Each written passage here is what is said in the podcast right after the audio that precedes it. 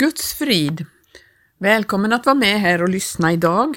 Jag heter Gertrud Johansson och vi ska idag ta del av ett par inslag i det här programmet.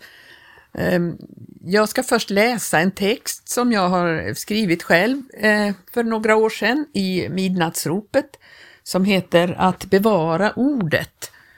Och därefter så ska vi få höra ett inslag ifrån helgens möten som vi hade här i Gullspång. Vi hade enkla husmöten här och vi hade besök ifrån Örebro så att vi hade Pelle Lind med oss och han eh, talar först där då. Och så har vi eh, sedan en sång som han sjunger också. Vi ska få lyssna till. Nu är det så att vi har eh, syskon med oss som eh, talar eh, ryska så att vi eh, hör i bakgrunden en del tolk och det kanske är något störande men jag hoppas ändå att lyssnarna har överseende med detta för att eh, det är angeläget att få höra detta budskap i alla fall. Det är ett så aktuellt ämne som eh, vår broder Pelle tar upp i det här så att eh, jag hoppas att eh, ni har överseende med att det kan eh, låta störande möjligen. Men eh, vi ska först då ta del av en, en, den här artikeln som eh, jag skrev för några år sedan. Den heter så här, att bevara ordet. Då står det så här. Paulus skriver till sin unge medarbetare och andlige son Timoteus i sina två brev som är nedtecknade i Nya testamentet förmanar han honom på många sätt. Han varnar för kommande tider, svåra tider och ett avfall som skulle komma att ske. Detta gör, att Paulus, detta gör Paulus för att förbereda sin unge medarbetare så att han skulle kunna bevaras och vara ett redskap åt Gud. Det gällde att bevara det rena gudsordet från främmande läror och fåfängligt eller osunt tal. Det gällde att bevara en oskrymtad tro och förhålla sig rätt i Guds församling, sanningens stödjepelare och grundfäste. Just får emottaga många förmaningar. Det fanns sånt han behövde ha akt på, eh, hålla stadigt fast vid och annat behövde han hålla sig undan ifrån, ja till och med fly ifrån. Det viktigaste som gällde för honom var att bevara det som hade blivit honom betrott. Han skulle komma att konfronteras med tomma ord och gensägelser från en falsk kunskap. I andra brevets första kapitel ser vi i vers 14 att han behövde ha den helige Ande för att kunna bevara det goda som hade blivit honom betrott. Till allt i Guds verk behöver vi den helige Ande, därför att det vi rör oss med är inte idéer eller tankar vilka som helst. Det är andliga verkligheter som är långt högre än allt vad människor i sig själv kan frambringa eller förstå. Måtte vi fatta detta så att vi inte gör oss skyldiga till svek med oöverskådliga andliga konsekvenser. I Gamla testamentet så möter vi en man som ägde en vingård. Hans namn var Nabot. Vi läser om honom i Första Konungabokens 21 kapitel. Kung Ahab ville åt denna vingård och lockar med att Nabot skulle få en mycket bättre vingård istället, bara han kunde få den som Nabot ägde. Men Nabot nekade kungen det. Herren låter det vara fjärran från mig att jag skulle låta dig få mina fäders arvedel, säger Nabot. Vingården hade gått i arv och vem vet hur många generationer.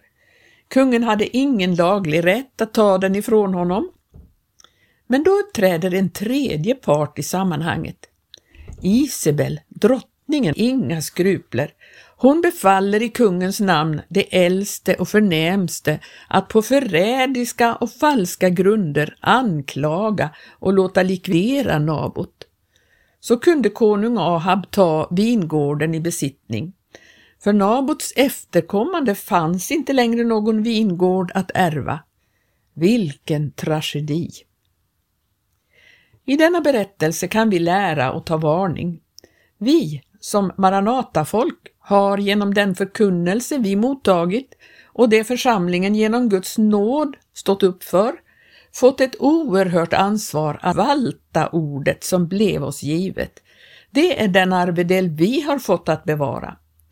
Församlingen som är sanningens stödjepelare och grundfäste har i vår tid fått stå emot tidens strömningar när det gäller världens tankar på många områden.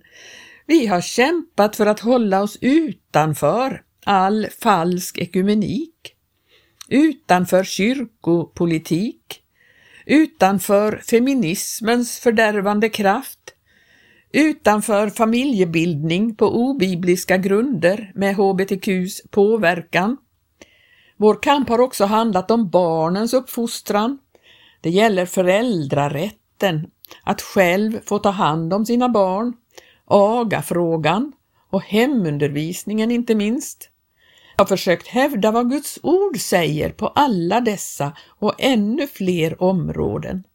Vi har velat gå en annan väg där det gäller arbetslivet genom att skapa egna arbetstillfällen.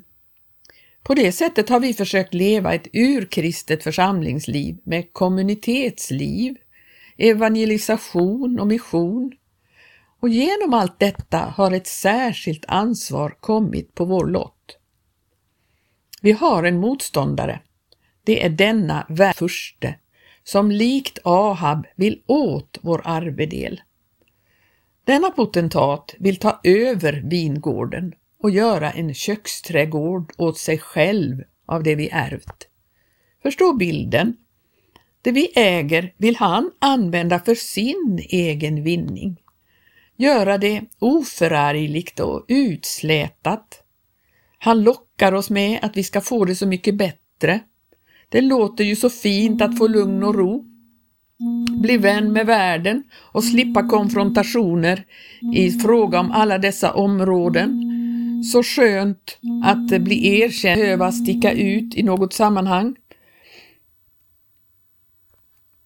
Plötsligt blir man oförarglig och eh, i alla ljumma miljöer. Så lätt det går att sälja bort arvedelen. Vi får dock inte glömma att för den som vill vara världens vän så blir Gud en ovän enligt Jakobs brevs fjärde kapitel. Vill du verkligen ha Gud till ovän?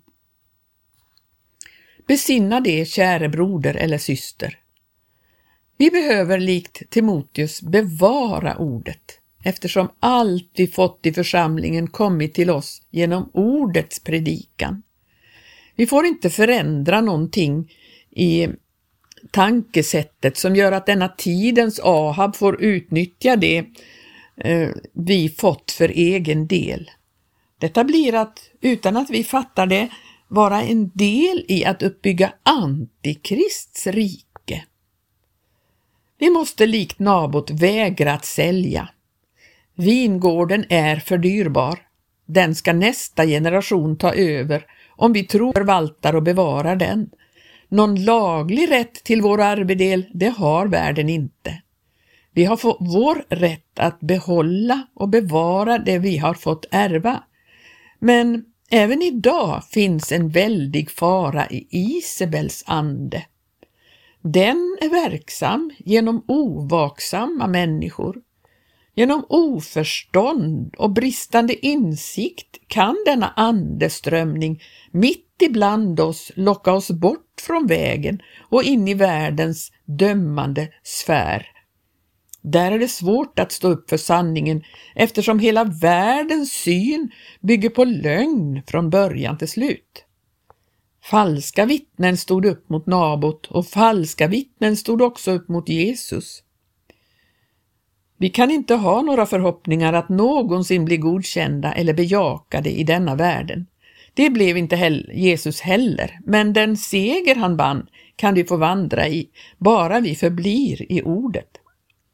Låt oss syskon fortsätta kampen, vandra med ett vaksamt sinne och hjärta Genom Guds nåd och genom hans ande kan vi bevara ordet och vinna nästa generation för den oerhörda rikedom som finns i vår arvedel. Vi kanske måste bli blodsvittnen för att vinna seger i denna svåra tid, men då behöver vi, likt Mose, ha vår blick riktad på lönen bortom denna tiden. Vi har ett evigt arv som väntar och en härlig ingång i himmelen där vi får höra Väl gjort, du gode och trogne tjänare, gå in i din Herres glädje. Jag tänkte på ett ord från evangelium, Johannes evangelium, första kapitel.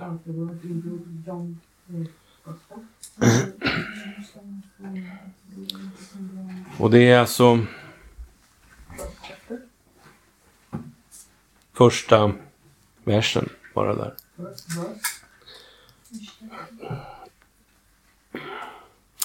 Det står så här, i begynnelsen var ordet och ordet var hos Gud och ordet var Gud.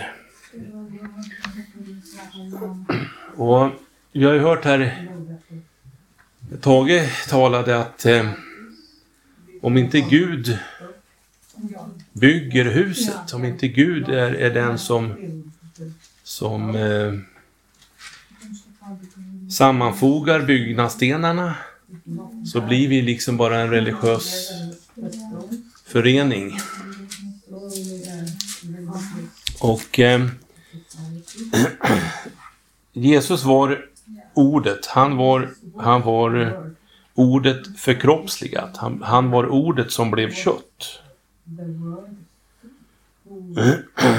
Och jag tänker på det här att när vi talar, när vi går ut då och att vi ska tala i enlighet med hans ord. Och gör vi inte det så mister vi mandatet från Gud att tala.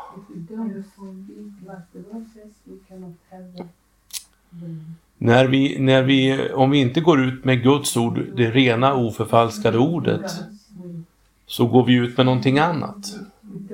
Och då hamnar vi i den här religiösa förening som vi har hört om. Istället. Jag ska läsa ett ord också från första Petri brev. Och det är fjärde kapitlet då. Vers 11. Första Petri brev, fjärde kapitel, vers 11. Då står det så här. Om någon talar så var det hans tal i enlighet med Guds ord. Och om någon har en tjänst så sköter han den efter måttet av den kraft som Gud förlänar så att Gud i allt blir ärad genom Jesus Kristus. Honom tillhör äran och väldigt evigheternas evigheter. Amen. Eh, Bibeln säger att vi, vi måste tala i enlighet med hans ord. Och, och eh, det vi upplever idag i, i den här tiden som vi lever så, så upplever vi att, att många går ut och, och eh, talar och kallar sig för profeter och allt möjligt men talar sånt som inte är i enlighet med Guds ord. Där man förvanskar ordet och säger att, att, eh, att Gud har nog inte menat så och, och, och, Paulus tänkte nog inte så. Han levde ju för 2000 år sedan. Och, och um, det, det där eh, går tillbaka ända till skapelseveckan. Förnekandet att det här att skulle Gud ha sagt. Och så börjar man förneka och så... Och så och, ehm, en händelse som faktiskt utspelar sig just nu medan vi sitter här. Så är det så att man har ett möte i kyrka i Örebro. Emanuelkyrkan, nu klockan 18, församlingsmöte. Där man då ska rösta om slutgiltigt nu då eh, om man ska tillåta eh, samkönade äktenskap i församlingen. Alltså att, att man kan gifta sig med man och kvinna med kvinna. Och även tillåta att man ska ha vixlar i församlingen. Så. Och det, det är en eh, gammal baptistförsamling. som, som grundades eh, 1909 tror jag. För över hundra år sedan. Och på den tiden så var man ju väldigt, inom baptiströrelsen så var man ju väldigt skarp med Guds ord. Man var väldigt noga med att, eh, att, man låg, att man talade i enlighet med Guds ord och att det var eh, helt riktigt korrekt enligt ordet. Och så går vi några generationer fram i tiden så har man börjat att förvanska. Och man går inte längre efter Guds ord. Man, man bortser ifrån, med vett och vilja, så bortser man från vad Guds ord säger. Att det inte är förenligt med, med en gudstjänst inför Gud. Att leva på det sättet. Utan Bibeln uppmanar till omvändelse och att upphöra med sin synd. Och det allvarligaste där egentligen är inte kanske syndaren som sådan utan det allvarligaste tycker jag är, är profeterna, de som borde säga sanningen. Man ska folkomrösta i församlingen om detta. Bara en sån sak, det borde finnas herdar och föreståndare som proklamerar vad Gud säger.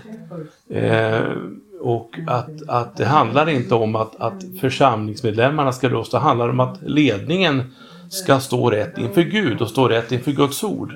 Och leda församlingen i enlighet med det. Det var det som var problemet i Laodicea. Laodicea betyder ju folkvälde. Va? Och, och, och där folket skulle styra. Och, och, vi ser vad som hände. Det fanns en förljugenhet i Laodicea. Man tyckte att man var rik, man hade allting. Men sanningen var att man var naken, blind och umkansvärd. Det var sanningen. Men de såg den inte. För att de hade sakta, undan för undan, så hade man bytt bort ordet. Man hade inte bevarat ordet. Så att det är oerhört allvarligt. Jag tänkte på en text som, som finns i Jeremia. Eh,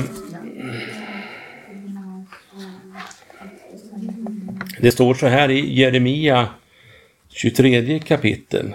Det var ju så även på i Gamla Testamentets tid så uppstod det profeter som eh, menade sig tala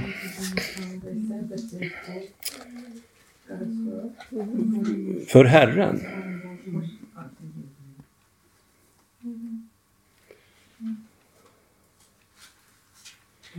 Och då står det så här i 25 versen i, i Jeremia 23 kapitel. Ja. ja. 25 kapitel. Jeremia 23 och 25.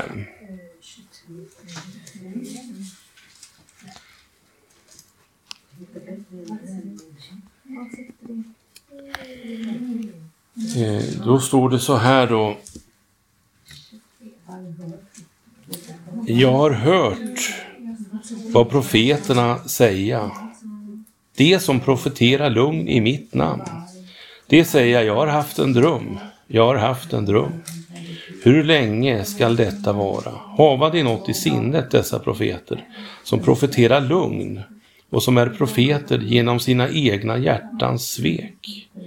De som tänka att de genom sina drömmar, dem som de förtäljer för varandra, ska, ska komma till mitt folk och förgäta mitt namn, liksom deras fäder glömde mitt namn för Bal. Den profet som har haft en dröm, han må förtälja sin dröm, men den som har undfått mitt ord, han må tala mitt ord i sanning. Vad har halmen att skaffa med säden, säger Herren. Är inte mitt ord så som en eld, säger Herren, och likt en hammare som krossar sönder klippor. Se därför ska jag komma över profeterna, säger Herren, dessa som stjäla mitt ord, den ene från den andra. Jag ska komma över profeterna. Så säger Herren, dessa som frambära sin egen tungas ord. Men säga, så säger Herren, ja, jag skall komma över dem som profeterar lugndrömmar, säger Herren, och som när de förtäljer dem föra mitt folk vilse med sina lugner och sin stortalighet, fast jag icke har känt dem eller givit dem något uppdrag, och fast ni inte alls kunna hjälpa detta folk, säger Herren. Om nu detta folk eller en profet eller en präst gör dig denna fråga, vad förkunnar Herrens tunga, så skall du säga till den vad som, vad som är den verkliga tungan och att jag därför skall kasta eder bort, säger Herren. Och den profet, eller den präst, eller den av folket som säger Herrens tunga, den mannen, ska, eh, den mannen och hans hus skall jag hemsöka. Ja, det får räcka där. Men eh, vad har halmen att skaffa med säden? Det här handlar om detta att, att stå ren inför Gud och att man går ut med, med ett falskt budskap. Man för inte fram vad Gud har sagt. Och man, man undanhåller på det sättet för folket, de som inte har kunskap i ordet, de som inte läser Bibeln, så undanhåller man sanningen för dem. Och presenterar och tolkar Guds ord som någonting helt annat som det inte är. Man presenterar till och med en annan Jesus. Man känner inte igen den Jesus som de presenterar. Så att eh, det är oerhört allvarligt och, och, det är väldigt viktigt även för oss när vi går ut och talar att vi talar enligt med Guds ord. Så att vi inte bara hittar på och tänker att det liksom spelar inte så stor roll utan vi kan säga lite hur som happ. För Gud är noga. Han är oerhört noga med sitt ord. Och um, talar vi inte enligt med hans ord då eh, har vi mist mandatet. Och då för vi människor vilse helt enkelt. Så det, det, är noga för oss. Och det är, jag, jag skulle vilja mana till självrannsakan för mig själv först och främst också. Och att vi, vi eh, verkligen tänker igenom och går i bön inför Gud. Och också att vi, vi kommer rätt inför hans ord. Så att vi inte hamnar i den här fällan som, som vi ser gå fram i den yttersta tiden som vi är idag. Och det är profetiskt förutsagt. Många falska profeter ska komma upp från folket. Det vet vi, men, men ändå också är vi skyldiga att höja vår röst. Och presentera den Jesus som, som Bibeln lär. Och den Jesus som, som, som eh, är ordet som vart kött. Ja. Ge mig vem är Jesus? Vem är han som en gång lidit? Som blev missförstådd och hånad här på jord. Är han den som emot synd och djävul stridit? Kan han frälsa alla som på honom tror. Han är Gudasonen som all makt är given, krönt med ära och konungslig härlighet. Han är vägen han är sanningen och livet. Han mot syndare har stor barmhärtighet. Vem är han som kämpade i bön för alla? som på Golgata utgöt sitt yra